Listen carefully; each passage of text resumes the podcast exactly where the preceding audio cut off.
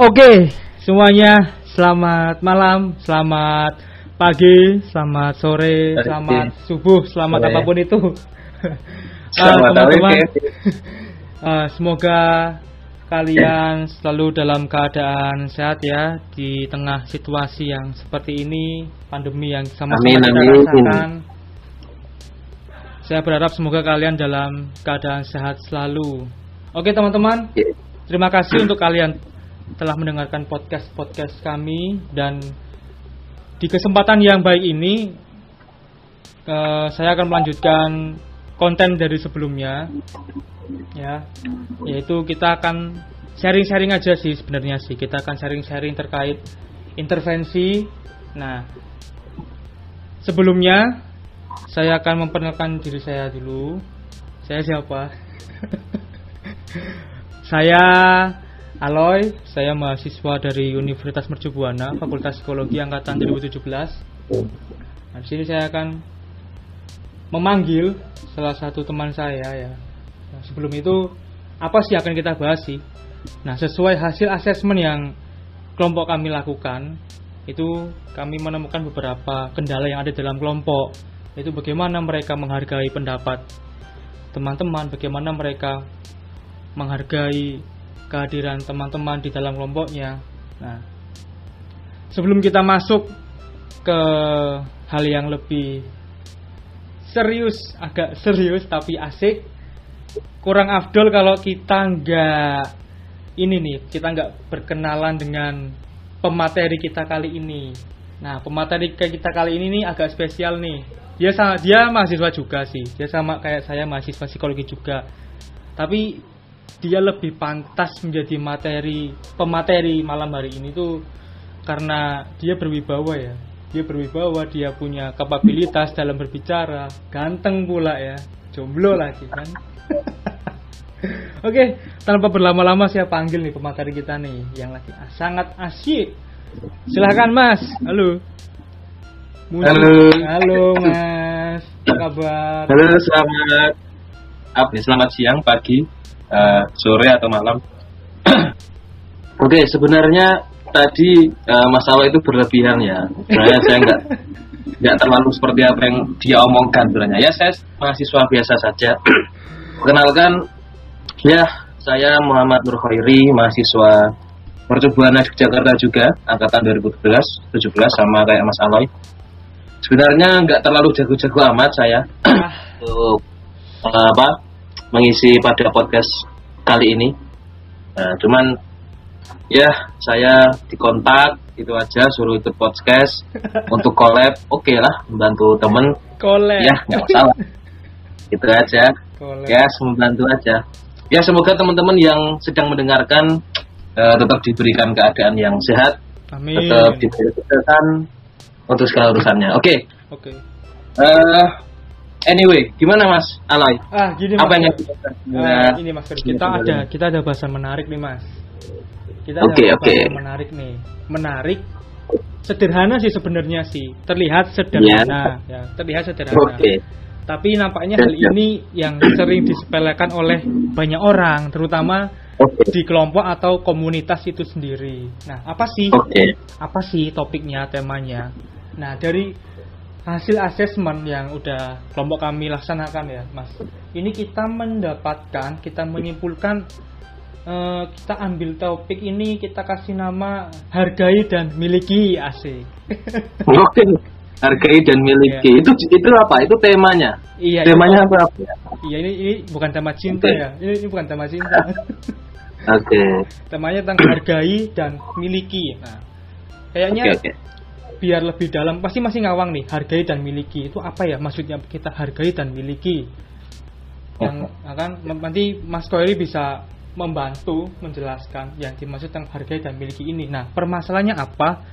Itu di suatu kelompok tertentu itu anggota-anggotanya masih terkadang sangat sulit untuk menghargai terutama pendapat masing-masing Oke. anggota. Dan dia sulit untuk menerima mas Gitu. Oke. dan dari kedua hal itu sulit menghargai dan sulit menerima maka Mm-mm. mereka sulit untuk memiliki memiliki dalam arti eh, sense of community-nya itu loh baik dari diri Oke. individu ataupun sesama kelompok yang tentunya merugikan kelompok itu sendiri gitu loh mas nah Oke. kira-kira mas eh, dari sini tuh muncul pertanyaan ya kenapa ya mas hal itu bisa terjadi gitu loh dan menurut mas tuh apa itu ya Oke, apa itu? eh, coba ya kita Oh, kita coba. sharing, sharing aja coba. kita sharing bareng-bareng aja. Jadi kalau saya boleh nangkap, jadi intinya eh, permasalahan yang sering kita jumpai mungkin dalam suatu kelompok maupun komunitas itu masih ada eh, sekelompok atau komunitas yang ternyata eh, antar anggota itu masih eh, mengalami atau sense of community-nya itu kecil kecil sehingga eh, mungkin tadi yang Mas Aloy bilang bahwa mengakibatkan antara anggota itu eh, susah untuk menerima Hmm. pendapat. nah, tadi sesuai temanya Mas Aloy tadi apa? Hargai dan miliki ya. hargai dan miliki Oke, itu sebenarnya menurut saya juga pas itu. Maksudnya filosofi itu mungkin pas bagi kelompok yang sekiranya anggotanya itu mengalami permasalahan seperti ini. Jadi eh, perlu kita ketahui bersama bahwa yang namanya suatu kelompok atau komunitas itu memang tidak lepas dari yang namanya kumpul atau berkumpul bareng. Nah itu intinya itu. Nah, setiap kelompok atau komunitas itu kan pasti dia mempunyai tujuan masing-masing, mempunyai rencana, mempunyai harapan. Tidak lain tidak bukan tujuannya supaya kelompok tersebut berkembang kan intinya itu. ya Nah, namun ada hal kecil yang dapat menghambat sebenarnya.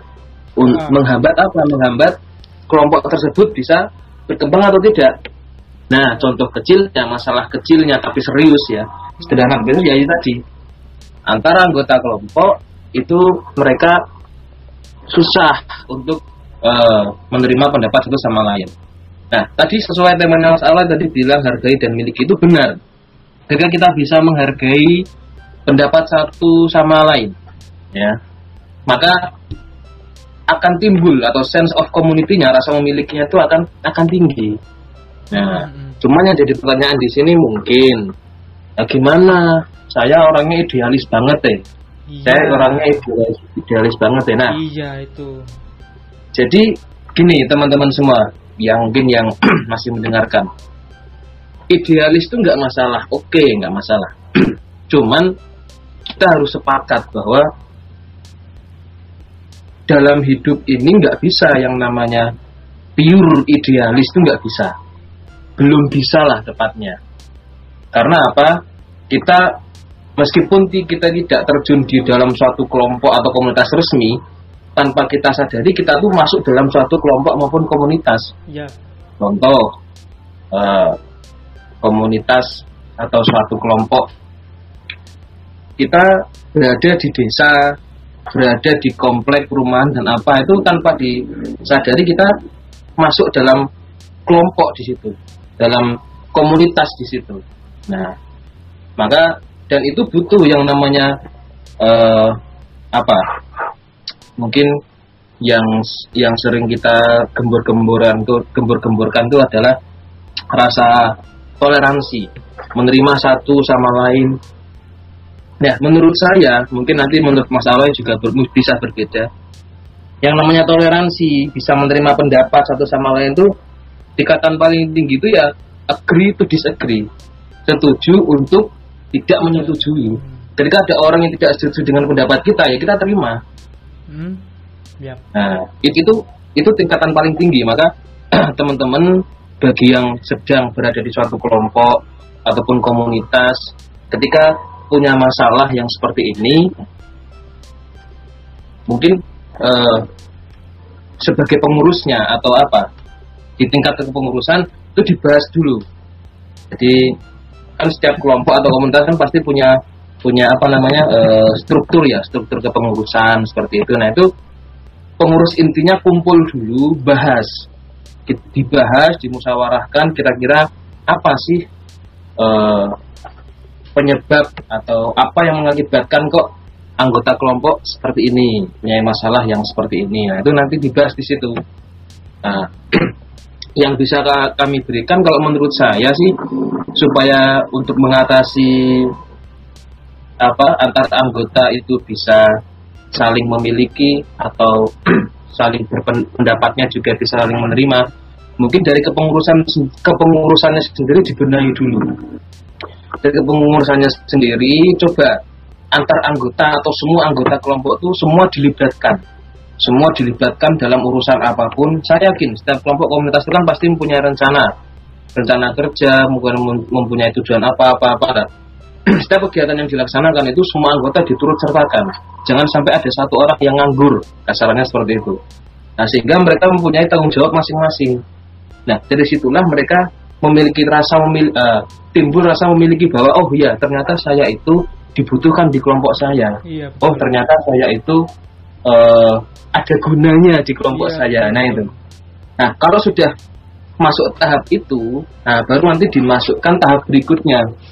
Bahwa uh, para anggota itu dikumpulkan kemudian dibuat satu forum ya.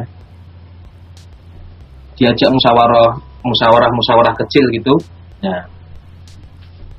Karena musyawarahkan lagi kira-kira mana pilihannya. Jadi memang semua harus benar-benar di uh, semua harus benar-benar di diikut sertakan.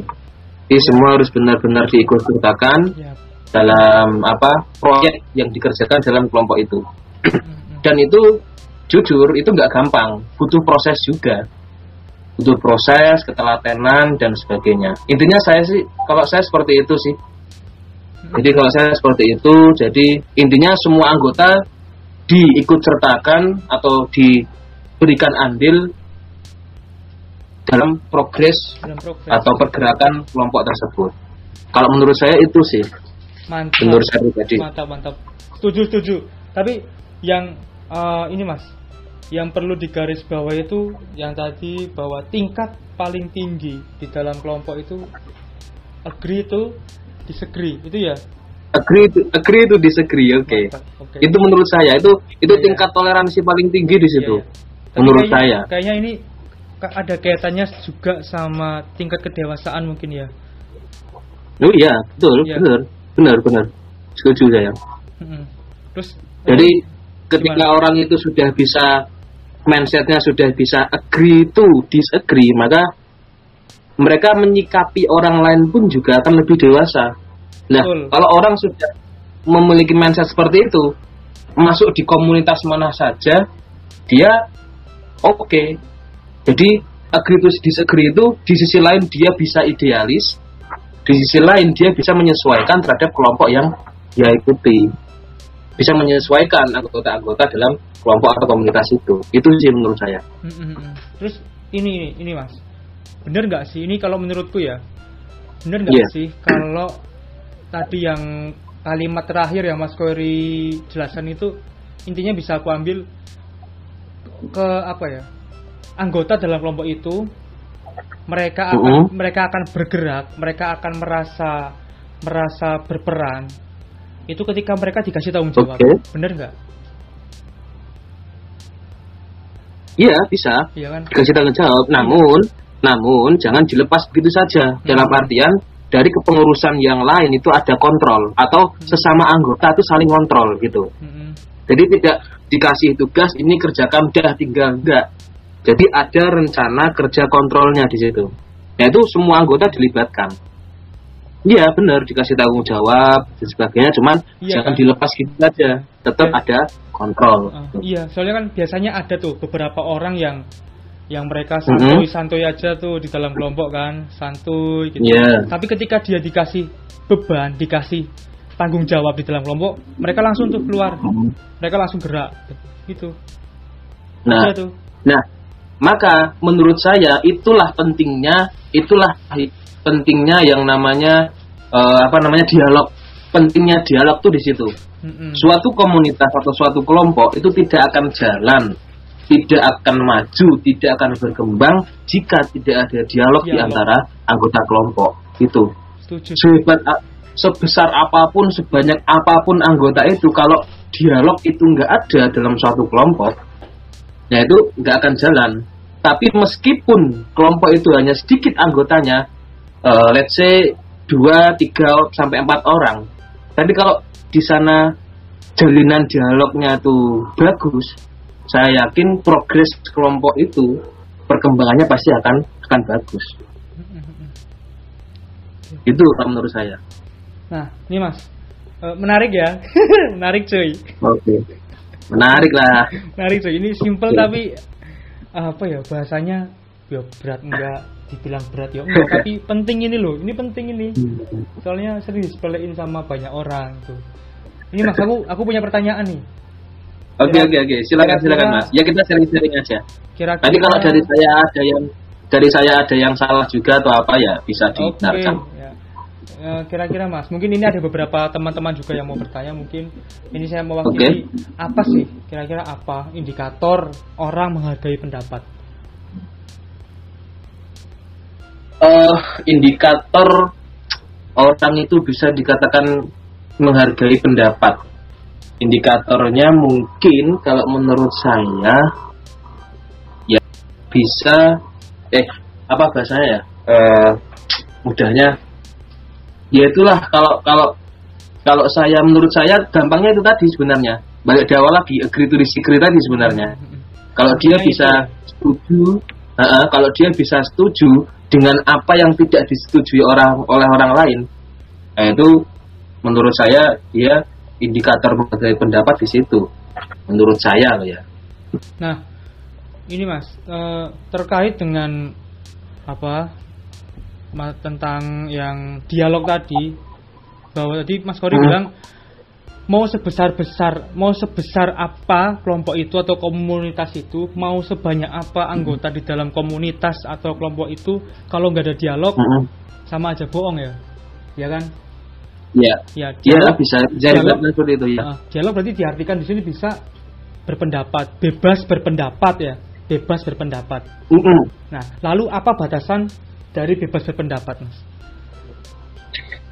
Oke, okay, bebas berpendapat itu mungkin batasannya kalau menurut saya kalian boleh kan ada yang namanya freedom of speech hmm, ya hmm. bebas untuk kebebasan berpendapat. Pendapat. Itu silakan kalian mau berpendapat apa pun silakan cuman nah yang perlu digarisbawahi adalah harus bisa menerima ketika pendapat kalian tidak disetujui.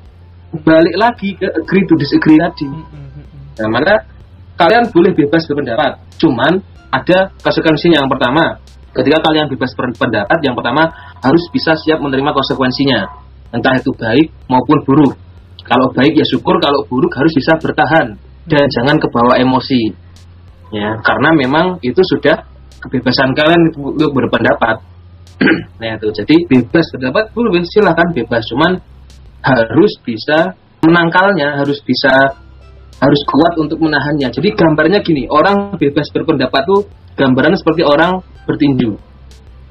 Oke. Okay. Orang atau apa tinju uh, apa namanya uh, atlet tinju. Atlet tinju itu mereka bebas mau mukul, maksudnya memukul musuhnya, ya, mau mukul apa pun terserah dia. Cuman dia harus paham bahwa konsekuensi dari dia memukul pasti akan dipukul balik. Nah, nah, nah tinggal gimana dia menanggapinya apakah ditangkis atau ngeles saja atau Allah biarkan saja dia dipukul nah itu itu pentingnya itu di situ. Mantap. Nice. Nah maka bebas berpendapat itu ya silakan cuma harus tahu bata apa konsekuensinya tadi. Harus siap menerima konsekuensi gitu aja. Iya setuju sih. Aku aku setuju sih sama ini. Petinju. Asik. Filsuf ya. Petinju. ya filsuf sekali. Setuju ya. Ya, ya saya cuma bisa beri gambaran gitu aja. Lalu Nah, itu kalau kalau kalau setiap mana? anggota dalam komunitas bisa seperti itu, wah. Saya saya saya jamin lah, saya jamin kelompok itu atau komunitas itu pasti akan wah berkembang car. Hmm. Itu kalau menurut saya sih. Oke. Mantap. Lalu ini Mas. Bagaimana kan tentu di dalam kelompok itu uh, masih ada beberapa mm -hmm. anggota yang sulit ya untuk sulit untuk menghargai orang lain. mungkin di dalam Oke. dirinya udah ada niatan untuk menghargai pendapat menghargai Iya. teman-teman sesama anggota dalam kelompok nah kira-kira Mm-mm. bagaimana hukum orang atau anggota yang ada di dalam kelompok itu yang tidak bisa menghargai pendapat teman-temannya dalam kelompok Oh, hukum ya. Wah, kalau bahas Hukum. hukum ini sebenarnya kalau bahas hukum sebenarnya saya bisa, cuma saya agak hati-hati ini. Hati-hati. kalau saya boleh, kalau di undang-undang itu kan ada ya, di undang-undang tuh asik undang-undang apa ya bahasanya? Kalau jadi setiap warga tidak terkecuali siapa saja itu kan berhak untuk mengutarakan Pendapat. pendapat, Oh, iya. siapa saja, siapa saja. Nah, kemudian gimana bagi orang yang tidak bisa menghargai pendapat orang lain? Nah ini kalau mungkin saya terbatas ya dalam hal hukum itu. Cuman kalau menurut saya efeknya aja, saya menceritakan Ya, efeknya ya, aja, efeknya. efek orang yang tidak tidak menghargai pendapat eh, mm-mm, tidak bisa menghargai pendapat. Pertama, kalau menurut saya orang yang tidak bisa menghargai pendapat itu pasti dia eh, tidak bisa eh, apa namanya tidak bisa open minded. Pasti dia itu pikirannya sempit, sempit ya. sesat pikir Nah, bisa jadi, bisa jadi dia seperti itu sesat pikir. Cuman itu tadi kalau menurut saya orang yang nggak bisa berpendapat itu yang pertama dia tidak akan bisa open minded. Maksudnya ketika melihat suatu hal itu pasti dia berpikiran sempit, nggak bisa meluas. Hmm. Nah, karena straight di situ aja, nggak bisa berkembang, pikirannya nggak bisa berkembang. Efeknya itu. Jadi orang nggak bisa menerima pendapat, biasanya efeknya dia orang nggak bisa berkembang. Di situ-situ saja Mm-mm. kalau gini idealis itu menurut saya itu ada dua juga idealis orang idealis orang idealis tapi dia bisa menerima pendapat sama orang idealis yang tidak bisa menerima pendapat. Kalau dia idealis bisa menerima pendapat maka idealisnya dia kembangkan. Dia kreatifkan lagi supaya bisa diterima di masyarakat. Nah itu. Cuman kalau idealis yang tidak bisa berpendapat ya dia cuma idealis di situ-situ melulu. Sempit tidak akan berkembang. Dan akhirnya akan membuat susah dia sendiri. Dalam tanda kutip pasti akhirnya dia akan merasakan eh, kelelahan stres apa pun itulah penyakit psikologis yang lain. Karena dia tertekan.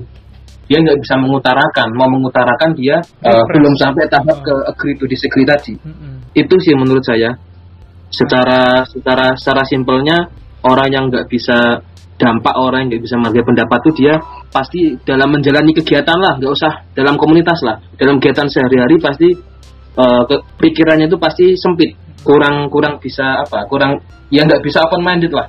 Di apa disinggung sedikit dikatakan sedikit singgung dikomen sedikit singgung tersinggung gampang tersinggung itunya itu. Bisa jadi seperti itu. Itu sih kalau menurut saya Mas. mantap tepuk tangan sih. Ya cuma itu aja yang saya bisa. Nah, lalu ini ini ini aku mau tanya lagi nih.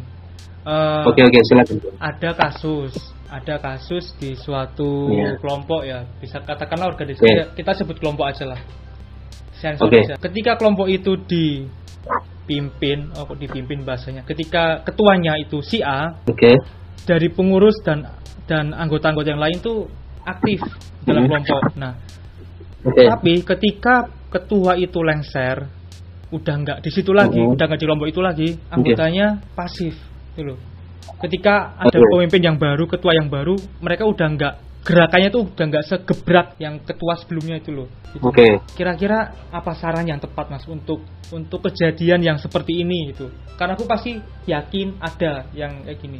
Yang nggak lebih dari lebih dari satu lah pasti ada. Oke.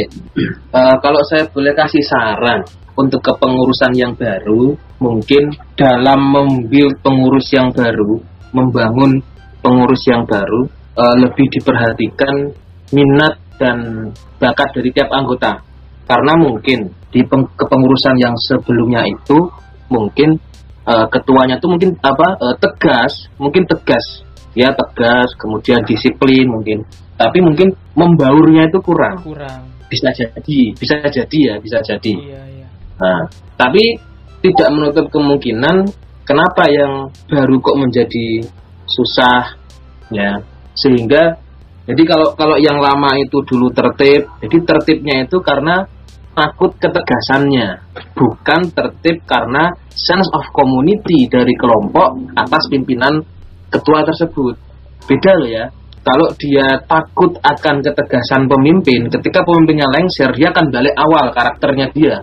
Ya malas-malesan, kemudian nggak semangat dan sebagainya. Tapi ketika pemimpin itu bisa apa ya, mengayomi, friendly dengan para anggotanya, sebenarnya pemimpinnya ya nggak tegas-tegas amat sebenarnya. Kalau bahasa Jawanya apa ya, melencah-melence ya gitulah. Hmm. Tapi dia bisa friendly antar anggota, sering berkumpul, sering berdialog, nah, yang sudah saya jelaskan tadi. Nah itu mungkin bisa membangun lagi. Nah mungkin saran untuk pengurus yang baru dari kelompok tadi atau komunitas tadi atau organisasi tadi apa pun itulah. Nah itu eh, seringkanlah berdialog antar anggota. Iya. Mungkin yang bisa lewat ketemu atau mungkin kalau kondisi sekarang ini mungkin bisa video call atau voice seperti ini. Oke nggak masalah. Yang penting ada dialog antar anggota kelompok sehingga anggota kelompok itu merasa kalau Jawanya apa ya diwong nih kalau Jawanya. Di Wong nih. Nah, dia merasa wah saya ini saya ini ternyata dibutuhkan bener loh dalam Di- anggota. Nah, dianggap itu ada ya, dianggap ada. dianggap ada. Tapi kalau cuma tegas, tegas, tegas, ya takutnya cuma tegas ketika Hmm. ketuanya lengser, ya Udah, kendor. sudah hilang sense komunitinya sudah nggak ada. Iya. Itu sih mas menurut Iya, saya. gitu. Kalau alasan alasan antara alasan anggota di dalam kelompok itu menjadi pasif atau mereka sulit untuk menghargai apalagi memiliki memiliki rasa memiliki sense of community dalam kelompok itu mereka Hmm. hilang atau rendah dan mereka kayak merasa kayaknya orang kelompok ini tuh merugikan saya deh lalu mereka langsung mempersepsikan bahwa eh, dia menyalahkan kelompok itu itu jadi Hmm. alasan dia pasif karena dia nggak mendapat manfaat apa apa dari kelompok itu seperti menyalahkan Oke. gitu loh itu mas Eh, jadi ada permasalahan anggota seperti itu. Dia merasa tidak mendapatkan apa-apa dalam kelompok itu sehingga dia lebih memilih untuk pasif. Oke. Sebenarnya ada benarnya ada salahnya sebenarnya tindakan dia. Kita bahas salahnya dulu. Eh, oh kita bahas benarnya dulu aja. Benarnya yaitu karena dia nggak merasa dapat apa-apa sehingga dia lebih pasif karena Hmm. ya buat apa saya memperjuangkan tapi para anggotanya juga seperti ini toh nanti yang untung cuma saya aja kelompok nggak akan berkembang. Mungkin pemikiran seperti itu mungkin. Cuman yang perlu dipahami di sini bahwa kesalahan dia adalah tidak melakukan dialog tadi. Jadi ketika dia merasa bahwa wah kayaknya saya tidak dapat apa-apa nih manfaatnya nggak ada nih setelah ikut kelompok ini. Nah, bahkan kalau ekstrimnya ada orang yang langsung keluar dari kelompok itu. Hmm. karena dia merasa bahwa saya nggak nggak nggak cocok untuk di sini. Nah, kalau kita perspektif dari kita kita lihat perspektif dari individu ya, itu lebih baik karena mengurangi rasa kecemasan, mengurangi rasa kelelahan, mengurangi stres mungkin wah lebih baik dia keluar. Oke. Tapi kalau perspektifnya adalah kelompok karena pembahasan kita adalah intervensi kelompok, jadi yang kita build, yang kita bangun itu adalah kelompoknya. Nah, orang yang mempunyai pemikiran seperti itu seharusnya jangan keluar. Dan otomatis ketika ada yang pasif, seharusnya ketua ataupun kepengurusan lain itu harusnya tanggap, harusnya peka respon bahwa oh ada satu nih yang nggak nggak nggak aktif nih pasif. Nah itu diajak dialog, kenapa toh, kenapa toh, masalahnya apa toh. Kalau perlu dia dimintai solusi harusnya seperti apa toh. Nah di sini pun nanti akan terbangun yang namanya freedom of speech. oke Nah, karena dia difasilitasi baru dia mau ngomong. Mungkin dia malu juga mau ngomong kan. Nah, ketika dari ketuanya ataupun pengurus kelompok itu memfasilitasi, oke, apa masalahnya? Kemudian silahkan berikan usulan kira-kira baiknya seperti apa. Nah, itu nanti lama kelamaan kalau setiap anggota seperti itu, itu freedom of speech-nya nanti akan timbul. Nah, kalau sudah freedom of speech-nya timbul, baru nanti tahapan selanjutnya membangun agree to disagree tadi. Percuma kalau dia sering berpendapat tapi dia nggak bisa menerima pendapat orang lain kan percuma saja.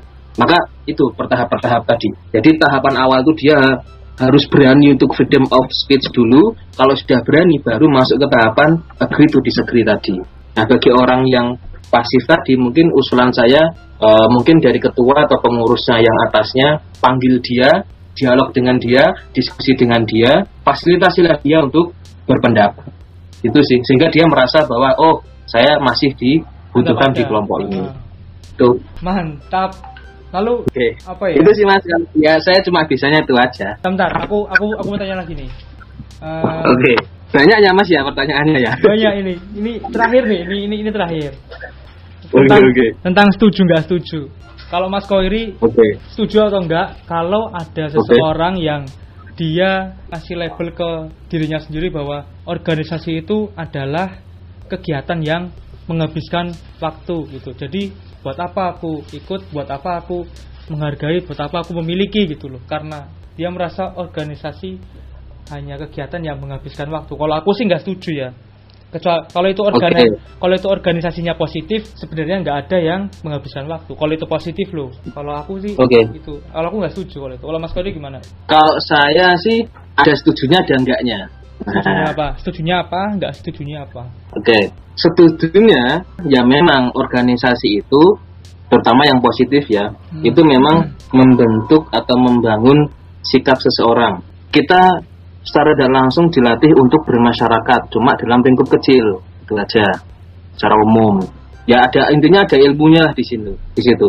Nah, cuman nggak setujunya saya itu ketika orang terlalu fokus banyak mengikuti organisasi. Ya, Nah, dalam konotasi di sini yang banyak ini adalah karena dia nggak bisa memilah, nggak bisa memilah dan memilih mana organisasi yang sebenarnya dibutuhkan buat dirinya, Ah, ah, tidak hanya ikut-ikut orang Mm-mm. atau ikut-ikut teman atau dan Nah, sebagainya gitu. Ini nih, ini nih. Jadi- di garis bawah ini nggak hanya apa atas dasar ikut-ikut temen apa ikut-ikut orang gitu ya itu garis bawah itu Ya, jadi ketika kamu ingin bergabung ke dalam suatu komunitas, organisasi, kelompok, apa pun itu namanya, dilihat dulu potensi kamu. Kamu itu butuhnya apa? iya Kamu harusnya seperti apa? Apa yang kamu butuhkan toh?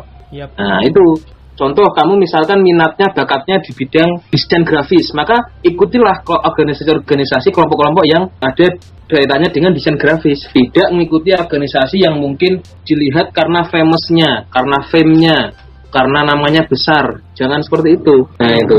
Ikuti saja organisasi-organisasi, kelompok atau komunitas yang sesuai dengan minat dan bakat kamu. Sehingga kalau kamu bisa seperti itu, atau teman-teman yang sedang mendengarkan tuh bisa seperti itu, nanti dalam menjalani atau ikut dalam kelompok atau organisasi tersebut akan nyaman. Akan nyaman, enak, ya nyaman aja di komunitas itu. Karena mereka satu pemahaman, satu prinsip, satu pendapat mungkin, dan sebagainya. Intinya itu. Yap. Ya, soalnya ada tujuhnya, ada tidaknya. Menurut saya seperti itu. Oke, mantap. Ya nih, penting nih buat teman-teman. Semoga masih ada yang mendengarkan nanti ya. Jangan di skip. Ya, semoga semoga teman-teman mendapatkan insight ya bagi yang mendengarkan ya. Ya, oke, ini menarik nih. Eh, Oke, oke Mas, kira-kira cukup ya? Oke, 11. oke, oke. Tapi Terima kasih loh. Terima kasih loh Mas Alay sudah menginvite saya. Saya juga juga senang ini bisa sharing-sharing terhadap teman-teman yang sedang mendengarkan. Iya, ya, ini ilmu Ya, penting. saya nanti bisa bermanfaat lah apa yang Amin. Saya teman-teman yang mendengarkan ya. Ini ilmu Oke. penting, ilmu penting buat aku juga sih. Oh iya sama-sama. Hmm. Lalu kata-kata terakhir Mas. Oke. kalimat Apa terakhir. kata-kata terakhir? Kalimat terakhir. Oke. by Mas Koiri. Oi, monggo. Oke, apa ya kata-katanya? Itu Ya, menurut saya tingkat toleransi yang paling tinggi itu adalah agree to disagree. Setuju ketika ada orang lain tidak setuju. Setuju untuk tidak setuju intinya itu. Jadi dalam dalam menghargai pendapat atau supaya kita bisa open minded, itu yang pertama tahapannya adalah kita harus tahu eh, penggunaan freedom of speech itu harus kita tahu.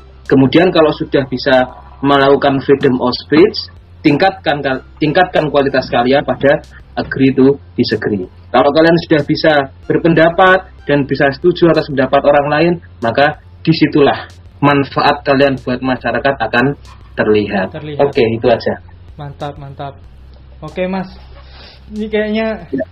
cukupkan. Ini udah sangat apa ya? Udah udah banyak sekali nih yang dibahas kita nih. Tapi Oke, ya, oke, terima kasih, terima kasih. Ah, ini sangat bermanfaat tentunya semoga buat teman-teman yang mendengarkan obrolan kita buat kalian yang menganggap ini nggak penting atau syukur-syukur kalian menganggap ini penting bisa intinya kita hanya memberikan informasi yang positif dan semoga kalian bisa mendapatkan insight dari apa yang kita obrolkan kali ini. Oke oke. Kami terima sangat kasih ya Ya. mengundang saya. Sama-sama Mas, sama-sama. Saya juga terima kasih. Oke. Saya sangat menghargai Ya. untuk teman-teman yang mendengarkan dan saya juga menghargai untuk teman-teman yang skip di tengah obrolan kita. Ya karena aku nggak maksa juga kalian mau dengerin ya. Ya nggak apa-apa. Berarti kita sudah mempraktekkan agree to Iya. disagree. Mereka Iya. nggak setuju protes kita, tapi kita setuju atas ketidaksetujuan mereka. Oke, nggak Ah, masalah. mantap, asik. Setuju. Oke oke. Oke Mas itu kira-kira kira-kira itu aja ya. Kita Ya. tutup. Oke. Makasih Mas Kori atas kesempatan spesialnya. Oke ya, sama-sama, Mas Aloy. Meluangkan waktunya. Semoga kita bisa ngobrol lagi, kita bikin tema-tema yang lain ya. Yang kira-kira Oke, dibutuhkan sama siap, siap, teman-teman. siap. Semoga Mas Ya. Kori sehat selalu. Oke oke. Oke. Makasih Mas Kori. Yuk. Terima kasih teman-teman semuanya. Salam sejahtera. Dah. Sampai jumpa. Dadah.